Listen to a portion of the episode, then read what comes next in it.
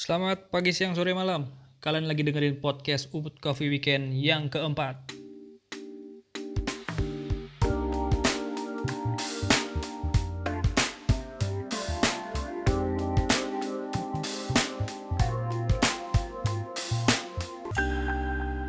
Kali ini saya akan ngomongin soal Starbucks. Ya, salah satu coffee shop yang terbesar di dunia. Hampir ada di seluruh negara di dunia kecuali mungkin Afrika, beberapa bagian negara di Afrika itu tidak ada Starbucks. Bahkan saking cepatnya dan banyaknya bisnis coffee shop Starbucks beredar di dunia dalam mengekspansi bisnisnya, sampai saat ini Starbucks sudah membuka 28.000 cabang di seluruh negara di dunia. Bahkan di Shanghai bisa dikatakan mereka buka setiap 15 jam sekali. Jadi setiap 15 jam ada Starbucks baru yang ditemukan di Cina. Tapi ada satu negara di mana Starbucks tidak bisa mengekspansi bisnisnya dengan mulus. Negara itu adalah Australia. Jadi Starbucks mulai ekspansi bisnisnya di Australia sekitar tahun 2000 dengan membuka 87 store, 87 cabang sampai tahun 2008. Dan tahun 2008 akhirnya Starbucks menutup hampir 2 per 3 dari cabangnya tersebut, dari tokonya tersebut, sehingga menyisakan sekitar 26 store tahun 2008. Dan ini bukan merupakan kebiasaan Starbucks yang punya track record selalu berhasil ketika mereka ekspansi atau masuk ke negara-negara besar di dunia. Dengan prestasi yang sangat-sangat gemilang dalam sejarah ekspansi bisnis di seluruh negara di dunia, kegagalan Starbucks di Australia merupakan salah satu hal yang sulit saya terima sebenarnya. Karena Ya seperti kita tahu sendiri, Starbucks sudah menjadi brand dunia ya. Dan salah satu top of mind dari coffee shop yang ada di pikiran kita semua. Makanya saya mau ngebahas soal kegagalan Starbucks di Australia. Ya, kenapa mereka gagal di Australia? Salah satu jawabannya adalah karena Australia ternyata sudah punya culture kopi yang sangat kuat. Jadi sebelum kedatangan Starbucks, culture kopi mereka itu sudah terbentuk lama. Dan memang bukan orang Australia sendiri yang membawanya. Tapi pada zaman dahulu imigran-imigran dari Eropa khususnya Italia, mereka datang ke Australia mengenalkan espresso, cappuccino, dan lain sebagainya. Sehingga ini menular kepada seluruh masyarakat Australia. Dan sejak saat itu budaya kopi di Australia itu sangat-sangat kuat. Udah hampir mirip seperti di Italia.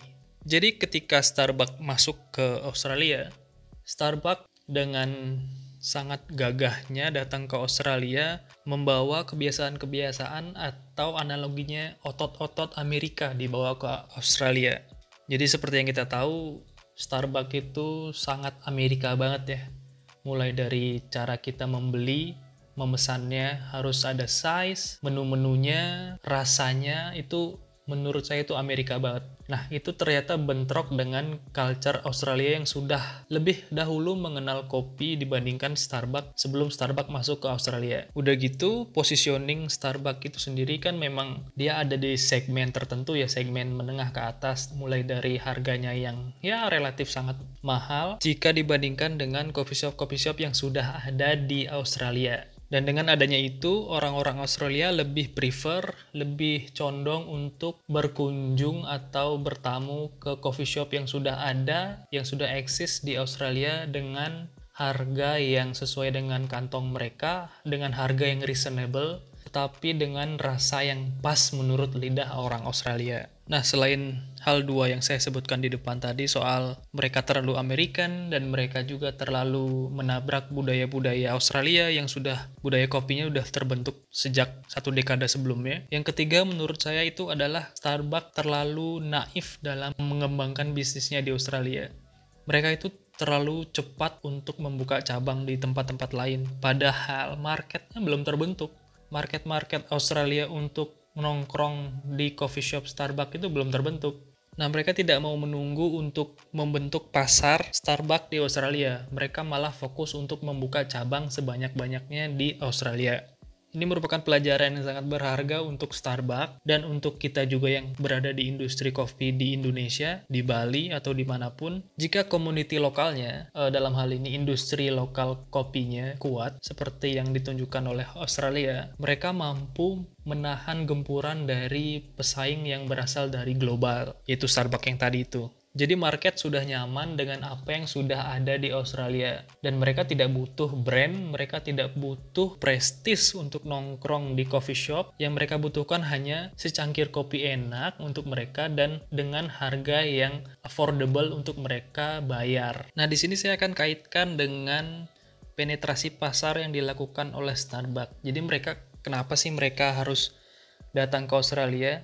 Pertama ya karena namanya brand global, jadi mereka harus tetap menggunakan strategi-strategi untuk mempertahankan brandnya sendiri. Salah satunya ya dengan cara melakukan penetrasi pasar. Jadi tujuan penetrasi pasar itu adalah uh, mereka ingin mempertahankan brand global mereka dengan menciptakan pasar yang seluas-luasnya. Ini juga untuk meningkatkan penjualan, untuk mempertahankan branding, untuk bermanuver dengan kompetitor, dan lain-lain. Jadi mereka nggak salah untuk melakukan penetrasi pasar ke dunia belahan mana pun, baik ke Australia, Nigeria, ataupun di mana aja. Nah, pertanyaan sekarang adalah bagaimana penetrasi pasar itu bisa menjangkau dari pasar yang sudah direncanakan tersebut. Makanya sebelum kita ngomongin soal penetrasi pasar, jadi di situ ada yang namanya adaptasi. Jadi sebelum melakukan penetrasi pasar, mereka harus meresearch dulu tentang kebiasaan-kebiasaan mereka, tentang budaya-budaya mereka, tentang kebutuhan mereka itu apa aja. Atau mungkin juga Starbucks sudah melakukan itu tapi buktinya gagal. Saya ambil contoh salah satu brand global yang mampu menerapkan adaptasi pasar yang sangat baik, ialah McDonald. Di seluruh dunia ada McDonald. Dan ternyata menu-menu McDonald itu ternyata di seluruh dunia juga berbeda-beda. Seperti di Indonesia, McDonald itu menjual nasi. Kebayang nggak kalau kalian menemukan nasi di Amerika? Jelas nggak ada. Nah itu adalah salah satu contoh bagaimana sebuah produk brand global melakukan adaptasi dengan sangat baik. Bahkan di kemarin saya ingat tahun lalu ketika bulan Ramadan McDonald menjual hamburger rasa rendang apa rasa apa gitu kalau nggak salah itu adalah salah satu bentuk bagaimana melakukan penetrasi-penetrasi pasar dengan melakukan pendekatan yang kelokalan.